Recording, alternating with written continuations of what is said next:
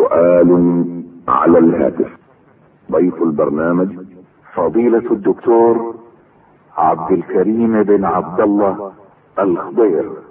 البرنامج من إعداد وتقديم. يوسف بن صالح العقيل.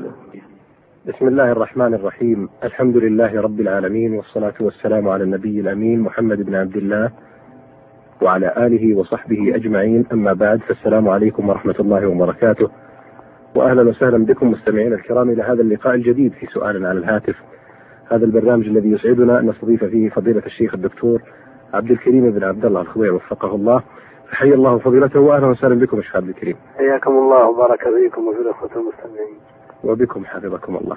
لدينا الشيخ عبد الكريم مجموعة من الأسئلة وردت في البرنامج عبر الفاكس، السؤال الأول يقول ما الحكم في تنكيس أعلام الدولة أو المؤسسة لمدة أربعين يوما حدادا على الموتى على أي شخص؟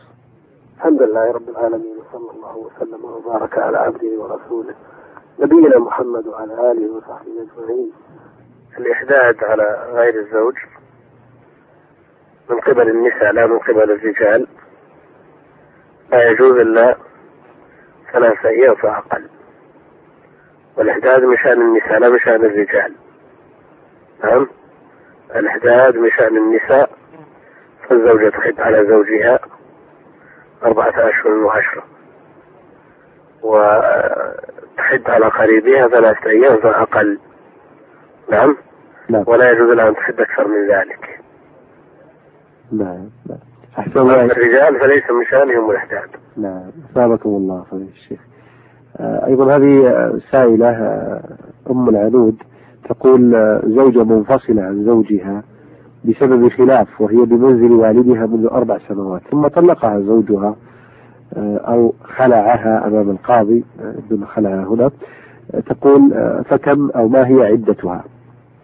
الخلع إذا لم يكن حيلة فتستبرأ بحيضة واحدة. نعم أما إذا كان حيلة تقليل المدة سواء كانت من الزوج أو من الزوجة فالذي قرره شيخ الإسلام أنها تعتد كالمطلقة. إن كانت ممن يحيض ثلاث حيض ثلاث أقراء نعم. وإن كانت آيسة فثلاث أشهر. نعم. وإن كانت حامل فزوجها الحمل نعم. سؤال مرتبط بسؤالها الآخر يبدو. تقول إذا خرجت الزوجة من بيت زوجها إلى منزل والدها مع خلاف مع زوجها وهي حامل في الشهر الثاني وجلست حتى وضعت الحمل ثم بعد ثلاث سنوات من عمر الطفل طلقها فكم عدتها؟ إذا طلقها طلاق عدتها ثلاث طبعا الآن هي ذات حيض وليست حامل. نعم. نعم. إن انقطعت عادتها بعد وضع الحمل فتعتد بالأشهر ثلاث أشهر. وإن كانت ممن يحيض فثلاث أقراء ثلاث حيض نعم. أفادكم الله. أيضا سؤال آخر. تقول سيدة متزوجة ومهرها عشرة آلاف والمؤخر ثلاثون ألف أو ثلاثون ألفا آه، تقول أرادت الخلع من آه، زوجها لأنه رفض أن يطلقها. تنازلت له عن المؤخر بدل آه، إرجاع مهره. فهل يجوز هذا؟ لأنه دفع المقدم وبقي المؤخر الثلاثون. نعم. واتفق على أن يكون هو الخلع. نعم. نعم. نعم. آه، نعم هذا هو ظاهر السؤال إيه لا بأس لا بأس. على ما اتفق عليه. أحسن الله إليكم فضيلة الشيخ. آه، جاء بالحديث خذ الحديقة وطلقها تطليقا نعم نعم.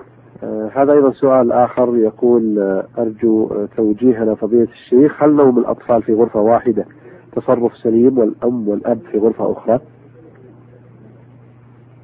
في إذا أمنت الفتنة بينهم ولم يبلغوا عشر السنين فإنه لا من, من أن يناموا في غرفة واحدة.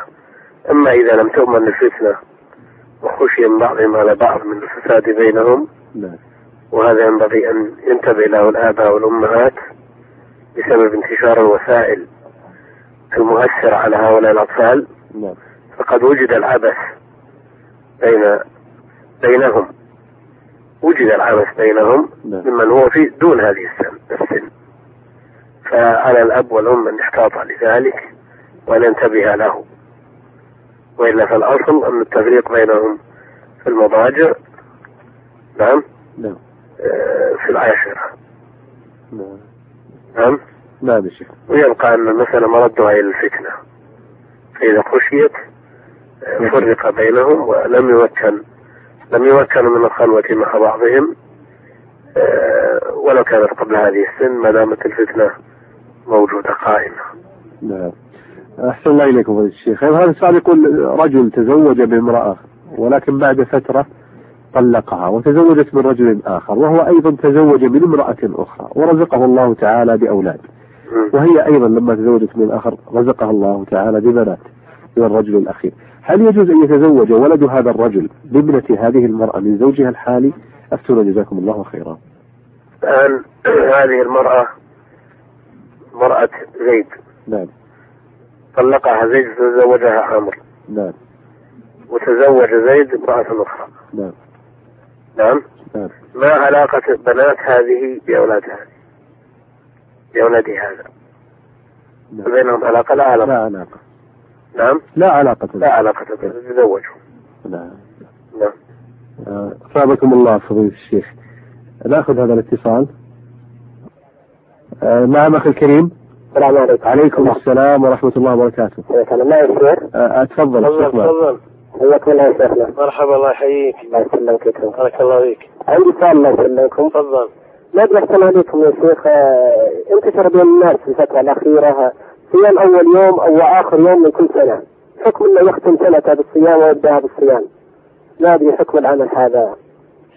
لا قصد هذا العمل مع تكراره لا دليل عليه. على- على هذا فيترك هل يدخل في باب البدع. مثلا احسن عليكم؟ والله إذا تعبد بهذا بأمر شرعي لم يش... لم يرد عن الشارع يكون بدعة نعم. إيه نعم. يدخل في حيز البدعة آه، أحسن شيخ عندي فاتحة لو سمحتم. سم. حكم الأخذ من آثار من يشك في كونه عائن مثل غسل الكرسي الذي يجلس عليه وغسل بقايا طعامه ونحو ذلك من الأمور. والله أصل الاغتسال منه يعني بجزء منه. أصلا يغتسل نعم. نعم. يطلب منه أن يغتسل فيصب على المعيون. وما لا شك أن ما يمسه من أثر أو من طعام وما أشبه ذلك يكون فيه أثر منه وعلى هذا قد ينفع إن شاء الله. أي نعم. أحسن عليك من كسال آخر. أحسن عليكم؟ تفضل تفضل. آه، الخروج أحسن عليك في هذه الأيام يا شيخ من النزهات البرية. هل يأخذ حكم السفر في الأخذ بالرخص؟ على على قول الجمهور إذا بلغ إذا تمت المدة والمسافة إذا آه، كانت المدة على أقل من أربعة أيام والمسافة 80 كيلو فأكثر فيترخص على قول الجمهور ولو كان لنزهة. ولو كان من ولو كان لنزهة ينصون على هذا الفقهاء ينصون على هذا. اي نعم. إذا كانت المسافة محددة عند الجمهور وكانت المدة تقل عما حددوه للإقامة فإنه يترخص نعم. أحسن عليكم. بارك الله فيك. أحسن عليك يا شيخ. هل هل يجوز المسح على الكنابر التي دون الكعبين إذا لم يخلعها الشخص؟ إذا كانت مع مع الجوارب. اي نعم. نعم كان حكمها حكم ال- إذا كانت مع الجوارب كان ولم يخلعها. اي نعم. نعم صارت جزءا من من من الخف. أما إذا كانت آه، منفردة معنى أنه لم يكن تحتها ما يستر الكعبين فلا. لأنه من شرط الخف أن يكون ساتر ال- المفروض. أما إذا كان تحتها خف ثاني مثلا أو جوارب ولم يخلعها بحيث صار في حكم الخف الواحد فيتجه القول بهذا وإن كان عند أهل العلم أن الحكم للفوقاني. إن لبس خفا على خف فالحكم ليش؟ للفوقاني نعم. بمعنى أنه إذا لم يكن ال- ال- الخو- الفوقاني الذي هو الخف الذي دون ال- الكعبين ساتر للمفروض فإنه لا يجوز المسح. بل عليه أن يخلعهما ويمسح على ما تحتهما من جوارب أو خف ساتر. نعم؟ نعم. اي نعم. أحسن عليك أحسن عليك يا شيخ آه، من انتشر في الوقت الأخير هذا ال- ال- المساهمة في بنك البلاد؟ ما هل ال- ال- مدى مشروعية ذلك؟ فبنك البلاد بما بلغنا من طريق الثقات عنه عن نظامه إنه آه، مثل الراجحي. يعني ما يبعد عن الراجحي. يقصدون أن تكون المعاملات شرعية وهو المظنون بأهله والقائمين عليه ولجنته الشرعية.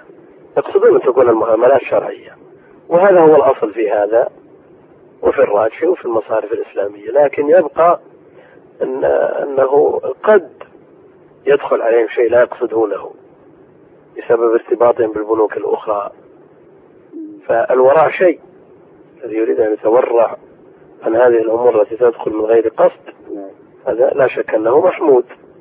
ويبقى أن الحكم الشرعي للأمور المقصودة وأنه المساهمة فيه. لا بأس به وإن دخل شيء من غير قصد يتخلص منه. تفضل أخي الكريم في أسئلة أخرى؟ ممكن سؤال تفضل نعم. تفضل يا أخي أحسن الله الشيخ حكم سوار الروماتيزم الذي يقال إنه يساعد على علاج المرض أو نحو ذلك. على كل حال إذا كان فيه مباشرة للمرض بمعنى أنه يشد العضو نعم نعم. يشد العضو وله أثر محسوس في التخفيف من الألم أو في ال- المساهمة في البرء منه فهذا من باب العلاج هو سبب من الأسباب أما إذا كان سوار لا أثر له نعم بأن يوضع حبل أو خيط لا يمس ال- اليد ولا ولا أثر له لا حسي ولا طبي.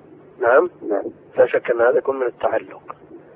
لو لو اثبت آه، اثره الأطباء هل يؤخذ بقولهم مثلا؟ نعم إذا إذا اضطرد أثره يؤخذ بقولهم. لكن يبقى أن أن هناك أثر يحسه كل أحد. ولا يمكن طبيب. يعني روماتيزم في المفصل مثلا وشد عليه خرقة وبرئ منه. هذا أثر محسوس ومعروف. لكن لو وضع خيط رقيق ومرتخي ما يشد على العضو عرفنا أن هذا الخيط لا أثر له في البرء إنما هو مجرد تعلق. نعم؟ نعم. الفرق واضح. اي نعم. الله بارك الله فيكم سؤال أخر أحسن عليك. تفضل. آه، أحسن عليك. قي الصغير هل هو نجس آه، طاهر يا شيخ؟ والله لا- ال- القيء الصغير كان قيء بالفعل لم يكن شيء يسير فالقيء الخارج من المائدة كله آه، نجس لكن تبقى أن نجاسته مخففة مثل بوله إذا كان ذكرا. وهو أخف من البول على كل حال. والخلاف فيه معروف بين أهل العلم. آخر سؤال. خارج الفاحش من الجسد الجمهور على أنه حكمه حكم النجاسة والله المستعان. نعم. نعم آه، آخر سؤال أحسن عليك. آه، انتشر بين بعض ال- ال- الإخوة تخصيص يوم الزواج من كل عام بالتجمل والتوسع على أهله والخروج بهم ونحو ذلك. هل هذا يعني آه، يوجد فيه إشكال أو إنها أمر؟ هذا يشبه بالعيد. نعم. يشبه بالعيد إذا عاد وتكرر شبه بالعيد فيمنع من هذه الحيثية. يكون يتذكرون زواجه يوم زواجهم من كل سنة أو كذا. لا يو- مثل مثل يوم المولد وغيره. نعم. يشبه بالعيد. والضابط فيمنع من هذه الحيثية. نعم والضابط في هذا كله فضيلة الشيخ. أن أن يكون اليوم محدد نعم. لهذا العمل بحيث يعود ويتكرر. بقصد فإذا عاد وتكرر صار عيد. نعم. ووجه التحريم في هذا ووجه النهي عنه وجه المنع أننا- أنه ليس عندنا من الآيات إلا عيد الفطر وعيد الأضحى. نعم. أثابكم الله فضيلة الشيخ ونفع بكم هل لديك أسئلة أخرى أخي الكريم؟ جز- جزيت خيرا على هذه الأسئلة حفظك الله. آه، سؤال آخر فضيلة الشيخ يقول الآن ينتشر آه، في بعض الأجهزة كالهواتف النقالة وأجهزة أيضا متخصصة يوجد فيها المصحف كاملا إيه. فهل يجوز للمرأة الحائض أن تقرأ من هذا المصحف أو أن تحفظ منه؟ تبعا لمسألة قراءة الحافظ الحافظ القرآن نعم. نعم. آه، الحائض المعروف عند أكثر أهل العلم أنها لا تقرأ القرآن كالجنوب. لا تقرأ القرآن كالجنوب. رخص لها إذا خشيت النسيان أو للحاجة أفتى بعض أهل العلم بجواز قراءتها القرآن ولا تمس المصحف. ولا تمس المصحف. نعم. لكن آه، فإذا كانت ال- ال- الحروف ظاهرة حروف القرآن ظاهرة على الشاشة لا يجوز أن تمس الشاشة. نعم؟ نعم لأنها حكمها حكم الورق. هي تمسك بأطراف هذا الجهاز أو ولا تمس هذه الشاشة. بقية بقية ال- الجهاز هذا كجلد المصحف. نعم. كجلد المصحف. وأهل العلم كما نقل الإمام البخاري عن بعض السلف أنهم رخصوا بحمل المصحف من قبل المحدث بكيسه أو علاقته أو ما أشبه ذلك. نعم. لكن لا يباشرون مسه. لكن لا يعد فضيلة الشيخ هذا مصيبة يعني قد يستخدم استخداماته أكثر من لكن ال- القرآن ما دام ظاهرا عليه على شاشته نعم. فحكمه حكم المصحف لا يدخل به الخلاء ولا شيء. لكن إذا خفيت الحروف فحكمه حكم ما في جوف ال- ال- الحافظ من القرآن. يدخل به الخلاء وما. نعم؟ نعم نعم. وإن كان يعني ما بين ال- القرآن الموجود على الشاشة والجهاز يعني بينها حاجز كبير أكثر مما بين جلد المصحف وورق المصحف. نعم؟ نعم. قد يكون الأمر فيه أخف. المقصود أن أن مثل هذا القرآن لابد من تعظيمه في النفوس واحترامه لأنه كلام الله. نعم. فإذا احتيط له فهو الأولى. نعم نعم. أحسن الله إليكم فضيلة الشيخ ونفع بما قلتم. بهذه الإجابة مستمعينا الكرام نصل إلى ختام هذه الحلقة. نتقدم في ختامها بالشكر الجزيل لفضيلة الشيخ الدكتور عبد الكريم بن عبد الله الخضير الذي أجاب على استفساراتكم الهاتفية. مستمعينا الكرام نلقاكم بإذن الله تعالى وأنتم بخير. والسلام عليكم ورحمة الله وبركاته.